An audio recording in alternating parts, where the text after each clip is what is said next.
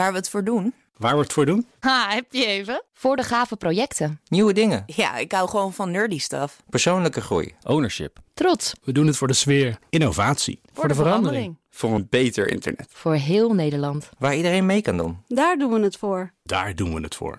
Waar doe jij het voor? Kom werken voor KPN en groei op jouw manier. Check de actuele vacatures op het gebied van data, security, development en networking op jobs.kpn.com/tech. Wetenschap vandaag.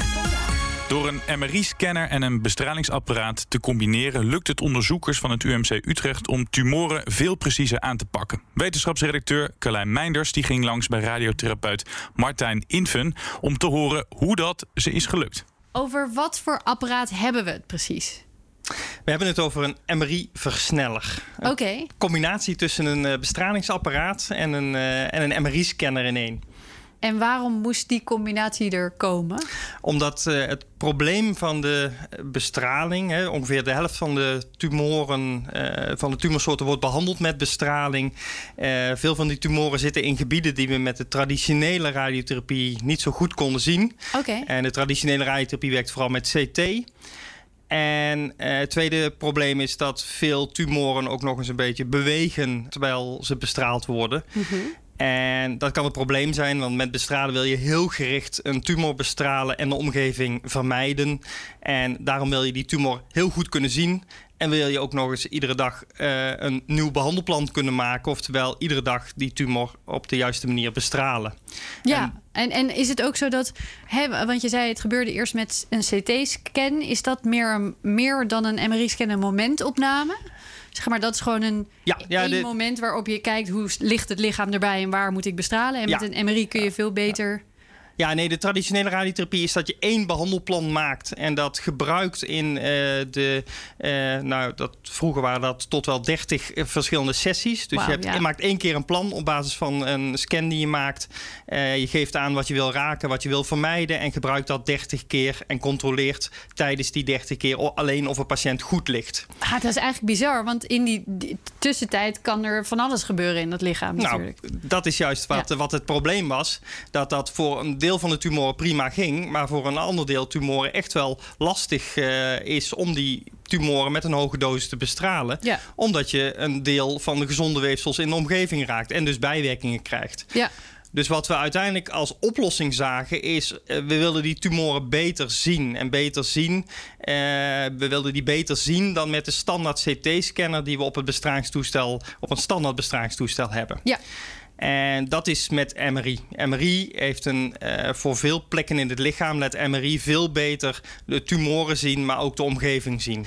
En ja, daar wilden we een MRI-scanner in het standaard bestralingsapparaat bouwen. En die combinatie, dat was, uh, dat was heel erg, uh, nou, dat nou, was een uitdaging. Nou klinkt dat, ja, ik wou net zeggen, want technisch is dat vast ook niet heel erg makkelijk. Technisch is dat eh, erg complex. Gelukkig hebben we hier eh, slimme mensen die dat eh, in de afgelopen jaren uh, ontwikkeld hebben. Eén uh, een van die mensen staat hier ook gewoon. Hè? Inderdaad. inderdaad. Yes. Ik ben eh, Bas Rijmakers. Ik werk inmiddels uh, 27 jaar in het UMC Utrecht. Inmiddels als eh, hoogleraar experimentele klinische fysica. Oké. Okay. En eh, samen met, met mijn collega eh, slash opleider eh, Jan Lagendijk... hebben we ja, de afgelopen decades deze machine gebouwd en, en, klinisch geïntroduceerd. Er ging dus wel wat tijd in zitten. Daar ging zeker wat tijd in zitten. Ja, wat was de grootste uitdaging? Nou, een normale bestraalmachine wordt gecorrigeerd voor de aanwezigheid van het aardmagnetisch veld. En een MRI-scanner heeft uh, 30.000 keer het aardmagnetisch veld. Oké. Okay. Dus die twee machines die tolereren elkaar niet. Je kan geen beelden maken met die MRI-scanner. En de bestraalmachine doet het ook niet meer in de nabijheid van een MRI-scanner. Oké. Okay. Dus, nou, dat was de grootste uitdaging. Dat is een gigantische uitdaging. Dat was, ja, het, het, we werden met redelijk veel sceptisch ontvangen. Mensen dachten, dit kan dus niet. En uh, nou, dat, dat maakte dat het natuurlijk ook leuk was dat het uiteindelijk wel lukte. Ja. En uh, dat is samen met Philips en Elekta, onze industriële partners, vanaf dag één zijn die erbij betrokken geweest om dit daadwerkelijk technisch wel mogelijk te maken. Hoe is het gelukt? Hoe, hoe kunnen die twee apparaten nu wel naast elkaar werken? Nou, er zijn een aantal in feite standaard oplossingen gebruikt die in, in, in de normale diagnostische scanners ook toegepast worden om die twee machines magnetisch te ontkoppelen. Dus de MRI ziet de radiotherapiemachine niet meer. En de radiotherapie die kan werken zonder dat die de MRI beïnvloedt. Dus we hebben ze echt technisch ontkoppeld. Nou, dat, dat, dat, dat was, had wat voet in de aarde. Is dat gewoon een kwestie van het juiste materiaal ertussen zetten? Of zeg je, sla ik het nu helemaal plat?